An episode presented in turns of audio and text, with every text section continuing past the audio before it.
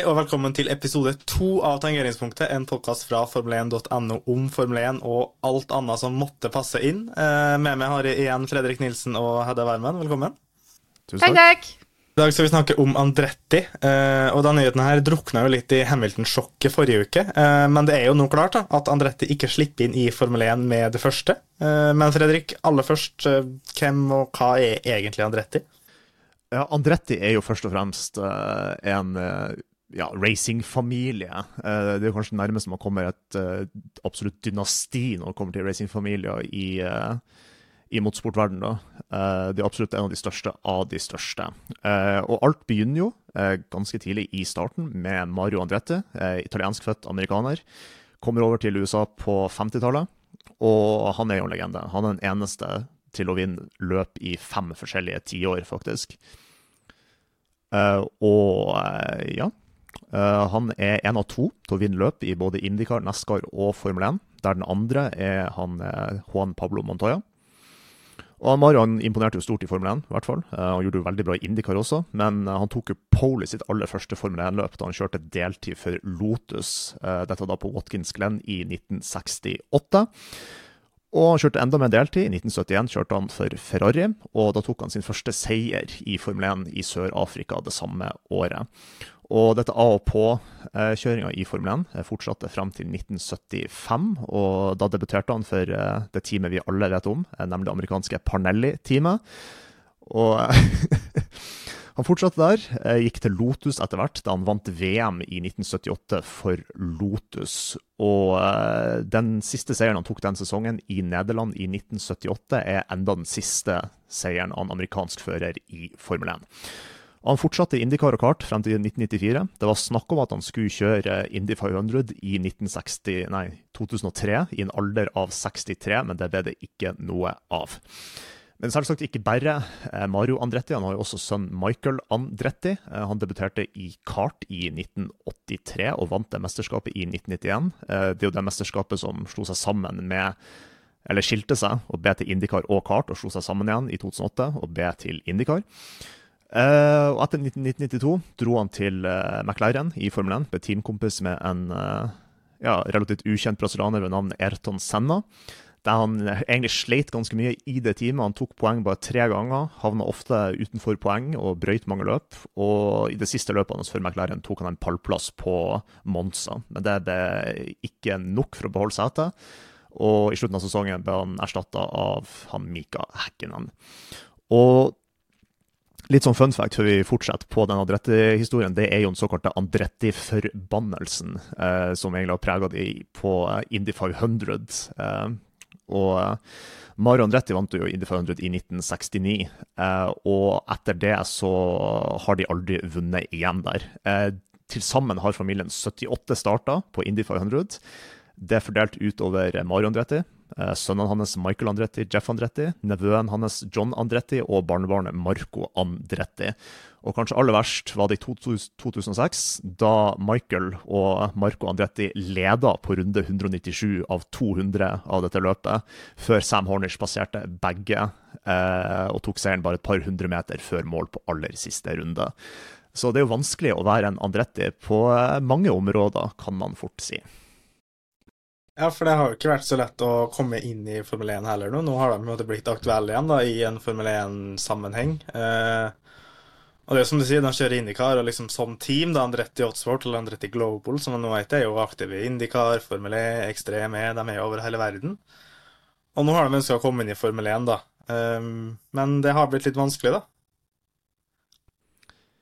Ja, det kan man jo eh, fint si. De har jo møtt eh, absolutt eh, mye motstand, kanskje så mye motstand de kunne møtt av, ja, av teamene og av Formula One Management. Og jeg syns jo det Altså, det, det, Alt handler om penger, men jeg syns det er utrolig synd at det ikke er plass til, til Andretti på griden. Eller ikke plass, for å ta det i anførselstegn, da. Mm tenker du, Hedda? Vi har jo nettopp eh, snakka ganske mye om silly season og snakka om griden. Uh, det hadde jo vært litt enklere å finne plass til alle talentene og vår egen Dennis Hauger og alt som er, hvis vi hadde hatt et lag til, da. Ja, Det hadde vært mye lettere da, for da hadde vi fått inn alle førerne vi vil ha der, holdt jeg på å si. Men eh, altså, når, når det kommer til akkurat det her med Andretti og sånn, jeg må ærlig innrømme at jeg visste ingenting av hva du nettopp Så veldig fint at vi har Fredrik med oss som kan alt dette, for jeg lærte masse nytt nå. Eh, for jeg har ikke egentlig helt forstått eh, det her med at det skal inn At han vil ha inn et nytt lag, på en måte. For det at Hvor mange lag går det an sånn, Hva er maksen i Formel 1 når det kommer til antall lag? For øyeblikket er det, er det vel 13 team, tror jeg. Maks 26 biler på griden. Uh, det er okay. det som er maksen for, eh, for Monaco, som da er den Ja, banen. jeg lurer på om Concorde-avtalen sier 12, men rundt der Ja. 12-13. Det er i hvert fall Det er liksom I reglementet er det i utgangspunktet plass til flere team. Ok. Så hva er grunnen til at han får nei? Nei, fordi det her er jo litt sammensatt, da. Ehm, man har jo den her Concorde-avtalen som setter en viss pris for et at eventuelt nytt team skal inn, fordi det er jo lov av Mhm. flere team. Man hadde jo mange team før. Ja. Før måtte man jo også kvalifisere for å kjøre løpet, fordi det var så mange team. Mm -hmm. Men sjøl om man betaler denne prisen på flere hundre millioner dollar, så er det ikke sikkert de slipper inn, fordi at både FIA og Formel 1 må godkjenne søknaden. Og sånn har det ikke blitt. Mhm. -hmm. FIA, da, eller Det internasjonale bilsportforbundet, har jo vært positive. I høst kom den formelle bekreftelsen fra deres side, så de har sagt ja. Men så er det jo Formel 1, da, eller egentlig da Formel 1 Management, eller altså de kommersielle rettighetshaverne, da, som har sagt nei. Og så lenge de sier nei, så kommer de ikke inn. Ok, så det handler om at liksom det er så sinnssykt mange deler som må være enige for at et nytt lag skal kunne komme inn i det hele tatt. Aha. Et viktig poeng her er jo det at um, Formel 1 representerer også de eksisterende teamene, og de har jo på alle måter satt seg på bakbeina, fordi at det er klart Nå har det vært mange år da, der Formel 1 ikke har vært lønnsomt, og, og teamet har investert mye penger, og nå når det endelig alle teamene nesten er lønnsomme, så hvis det kommer et team inn til, så er det jo liksom en litt mindre del av kaka da, til alle andre som må dele på inntektene, og da sliter de ikke til. Men var det ikke noe sånn at Toto Wolff egentlig var ganske positiv til at Andretti skulle kom, kunne komme inn med et nytt lag? Det var vel spesielt eh, Jeg mener Toto Wolff sa noe om det. Jeg tror han Zac Brown var jo litt åpen om det, om ikke jeg tar helt feil. Mm. Eh, McLaren og Andretti har jo samarbeida tidligere før, eh, og ja, han er jo kanskje litt mer positiv til det enn uh, f.eks. de teamene som er litt lenger ned på griden. For kommer det Mm. et nytt team inn, så blir jo de potensielt å havne enda litt lenger bak, og det er jo selvsagt negativt med tanke på deres eh, sponsorer og eh, investorer. Ja, ikke sant. Hvordan hadde sporten sett ut hvis vi altså sånn, fikk inn et lag til? da? Se for oss liksom elleve lag. Jeg kan jo ta, ta et eksempel fra eh, sist gang vi hadde en sånn utrolig sånn innrykk av team i Formel 1. Det var jo i 2010.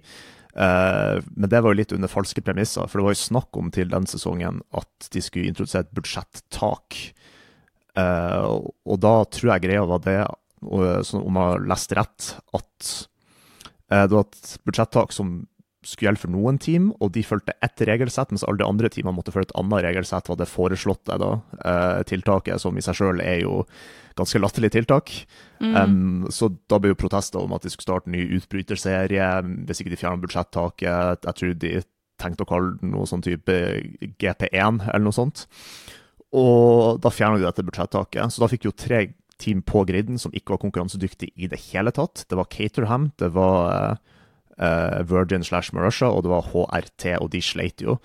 Um, men vi hadde jo også sånn, til den sesongen var det jo en rekke andre team som søkte om å være med, men som uh, ikke fikk være med, rett og slett. Ikke sant. Og de teamene overlevde da. ikke.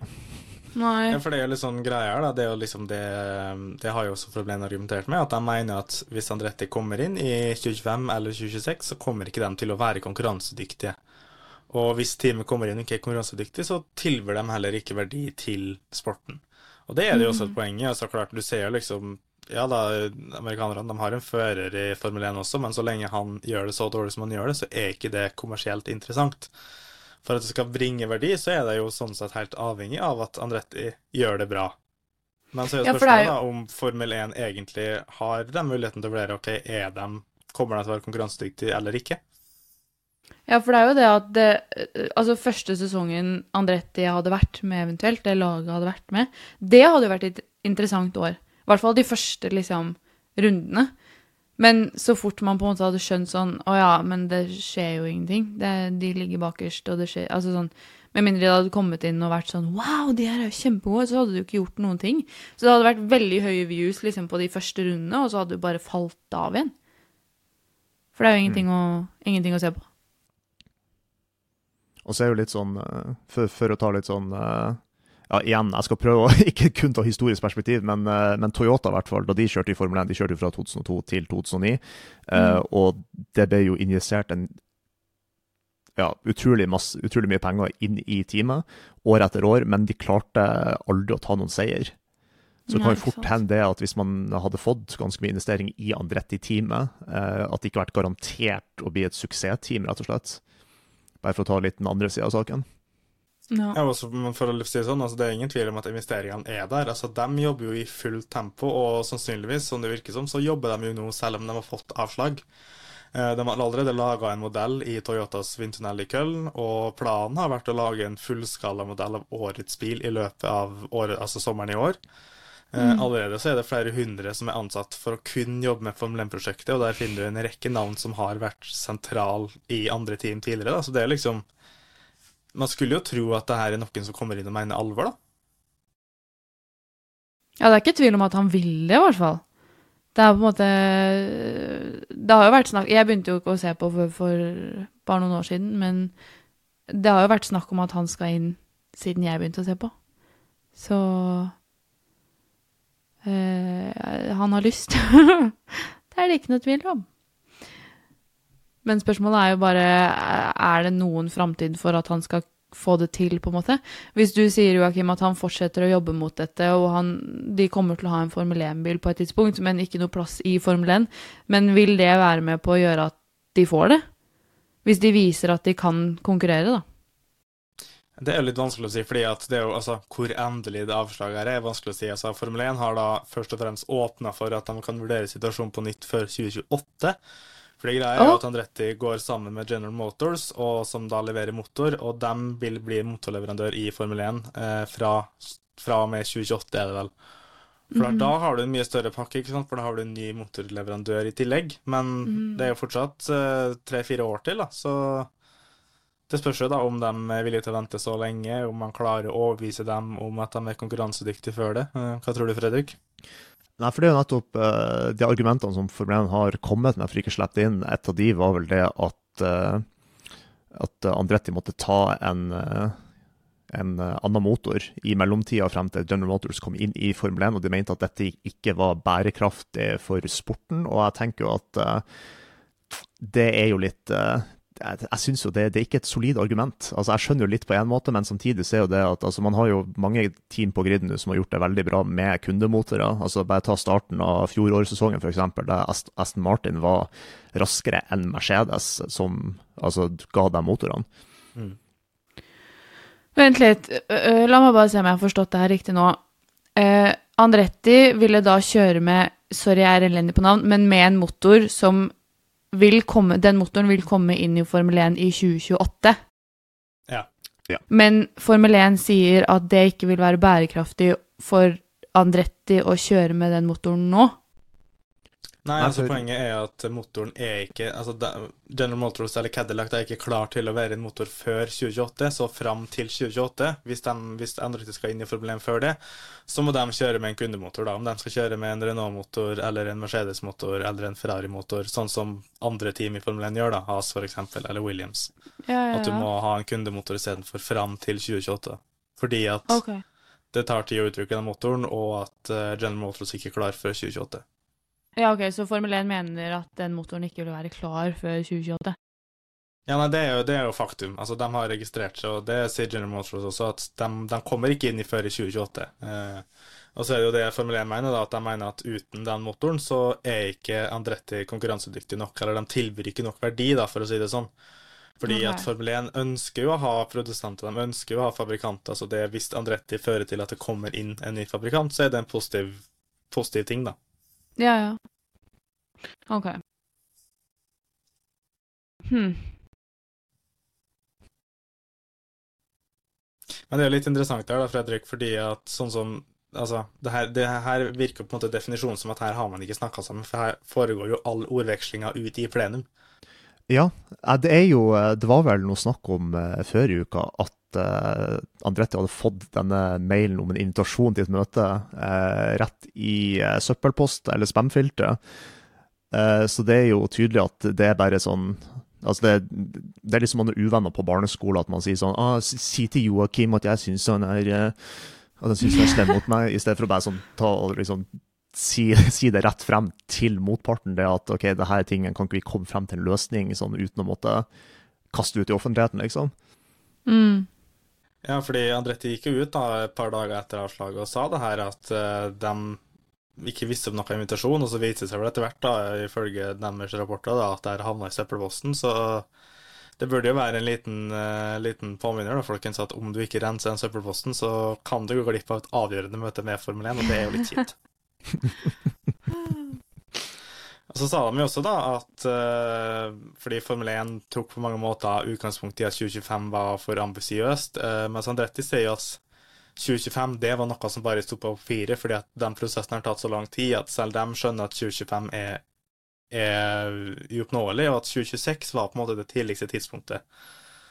Um, men det spørs vel da om de to innsigelsene er nok til å gjøre noe med saken. Altså Ja. Ideelt sett så, så er Formel 1 eh, Jeg sier ideelt nå, for at jeg vet ikke kommer til å være det, men ideelt sett så er Formel 1 åpen og sier at å nei, OK, beklager, beklager for misforståelsen, vi tar et nytt møte, og så blir vi enige om dette. Og så finner finner vi en plass til dere i 2026 eller 2027. Men vi vet jo at det, det blir neppe å skje. Det kommer til å være sånn, De kommer til å tviholde på det at uh, altså Vent så lenge som mulig med å godta tilbudet. Bare for å utsette prosessen mer og mer og mer og mer frem i tid. Men nettopp det med at det tar tid, med at det går lang periode med at man har ti team i, i sporten, har gjort det litt vanskelig. Da. fordi nå ser du at det er mange baner rundt om som eh, i stor grad bare er satt opp til ti team. Altså, ja, man kan kanskje få det til, men det er få garasjeplasser, det er trangt, det er en liten pitlane. Ta eksempel Monaco, vet ikke hvordan det er der, eller Sandfort. Eller altså Det er baner der det er vanskelig, det argumenterer jo også Formel 1 med, så det er jo litt sånn skal vi liksom begynne å bytte ut baner, da, eller skal liksom banene bli påtvunget å bygge ut for at vi skal slippe inn et team til som vi ikke helt vet om kommer til å være konkurransedyktig eller bringe Formel 1-verdi? Og da kan man snakke lite bærekraftig opplegg, på en måte, hvis de skal begynne å Mm. gjøre det.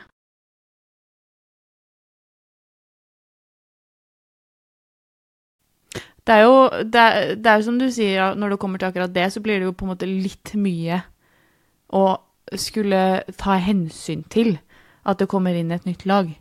Ehm, så akkurat det argumentet syns jeg er fair.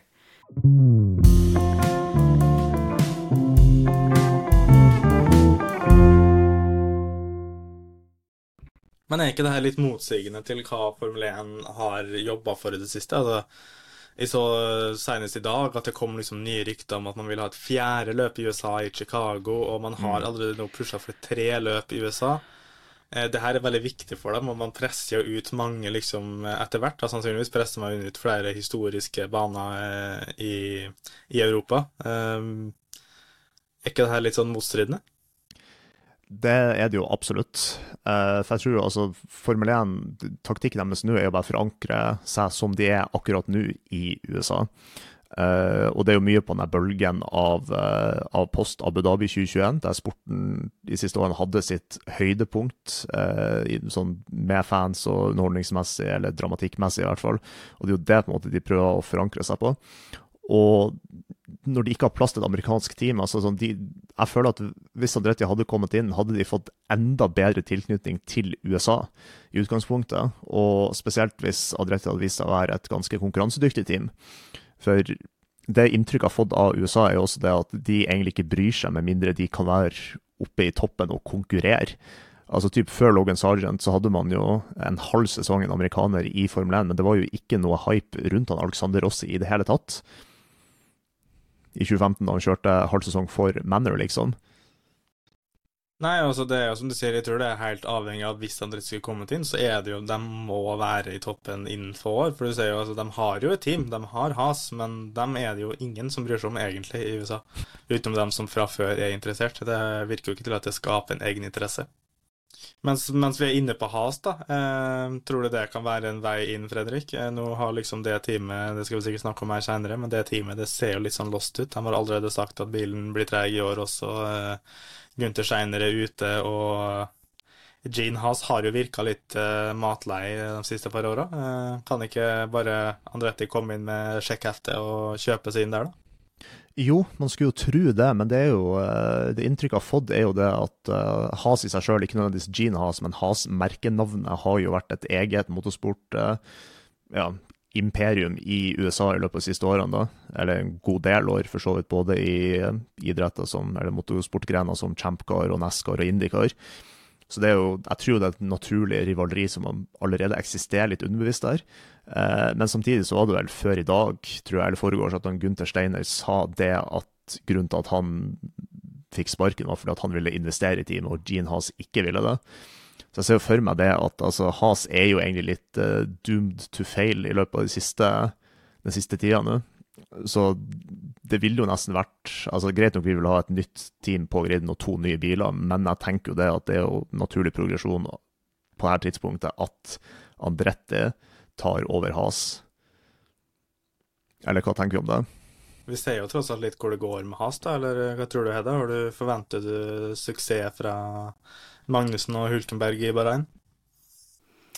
Nei, jeg kan ikke si at det, det ser så lovende ut nå heller. Um, de har jo på en måte vært på en nedovertur hele veien, og de har jo ikke klart å røre seg, på en måte. De har hatt noen topper på sånne enkeltting eh, her og der, men aldri liksom i selve løpene eller i, som en sånn helhetlig greie. Så det, det, gir veldig mening at sånn, hvis det er ett lag som forsvinner ut etter hvert, så er det jo has. Uh, men ja, det hadde gitt mer mening om Andretti kom inn og tok over der. Uh, uten at jeg skal uttale meg så veldig mye om noe av det, egentlig, for jeg syns det er litt vanskelig. Um, å sette meg inn i hele, hele, akkurat det der med lag og hvem som skal inn og ut og sånn. Men uh, ja, nei, det hadde gitt mer mening, det. Og jeg, det det jeg òg lurt litt på, sånn Hvorfor kan ikke Andretti bare komme inn som og ta over litt? For det er jo sånn, vi har jo Alfa Romeo som driver og bytter hele tida, men jeg skjønner ikke helt de navneskiftene heller. Men der er det meg, da. Hvordan Nei, men altså, Andretti har jo blitt rapportert å ha vært i den typen budkrig før. Det var vel mm. Sauber når du kom inn, om jeg ikke husker helt feil. Eh, det er sant. Og det er nok av interesse, men klart det er jo helt avhengig av at et team har lyst til å selge. da. Eh, og så ja. er det jo også en del sånne strukturelle ting som selvfølgelig er enklere hvis du starter helt sjøl. Altså, de ønsker jo en ganske sånn interessant tredeling der, da, med liksom én fabrikk på Silverstone og par, to stykker i USA som liksom driver med hver sine ting, og så skal alt det her liksom komme sammen. Så det er jo en, mm. også en ganske komplisert operasjon å prøver å sette sammen her, da, og det er kanskje enklere hvis du begynner helt fra scratch. Ja. Pluss at jeg skjønner jo Andretti som har, sånn som du snakket om, Fredrik, alt det her denne historien innen motorsport fra før. Jeg, det er jo veldig forståelig at han har lyst til å bygge opp noe eget, og da, som han har snakket om selv, at han har det store målet om å nå Formel 1 en gang. Eh, med Andretti i navnet, da, i grunn. Så det gir veldig mening at de har lyst til å komme inn på egen hånd. Men eh, men hvis de virkelig vil inn, kanskje de burde bare finne en annen vei nå som de har fått avslag, da. Kanskje de begynner å gå litt tilbake og tenke sånn Hm, hvordan kan vi lage en avtale som gjør at vi faktisk kommer inn? Det blir spennende å se. Vi kan jo avslutte da med litt sånn en slags uh, tippekonkurranse her. Tror vi at Andretti kommer til å komme inn på griden, og i så fall når? Jeg kan begynne med å kaste ut jeg tror 2027. Og jeg tror det går på bekostning av Has. Ja, han øh, øh, Igjen, ta alt jeg sier med en klype salt og sånn, men uh, jeg sier meg nok litt enig. Jeg, han slår meg ikke som en type som gir opp. basert på hva jeg har hørt uh, nå og lest tidligere av informasjon om Andretti, da. Så jeg tror nok han må krype litt til korset, ja, når det kommer til akkurat det å lage en avtale med Has om, han, om det blir kjøpt opp eller de bytter eller hva det nå enn blir. Så kommer nok Jeg tror ikke det kommer til å være elleve lag lenge i så tilfelle, hvis det gir mening. Ja. De kommer til å gå fort tilbake til ti. Mm. Jeg jeg, jeg tror ikke det kommer til å bli elleve timer i det hele tatt. Jeg tror at uh, det kommer til å komme inn ved å kjøpe opp Haas. Uh, jeg tror at uh, Gene Haas kommer til å bli møkk lei i juli, når de har kommet sist eller nest sist i samtlige løp. Og da, når, når Michael Andrette ringer på riktig tidspunkt, så, så blir det et salg. Mm. Men så bra. Da er vi ferdig med Mhm. vår andre episode, folkens. Du verden, du verden. Tida går. Tida går, og det skal komme Mhm. så mange flere, så det er bare å, og som dere merker, det kommer ut på litt tilfeldig tidspunkt. Vi følger bare sirkuset, vi reagerer på det som skjer, så det letteste er rett og slett bare å abonnere, eh, enten der du hører podkast eller på YouTube, og så høres vi i neste episode. Yes. Yes.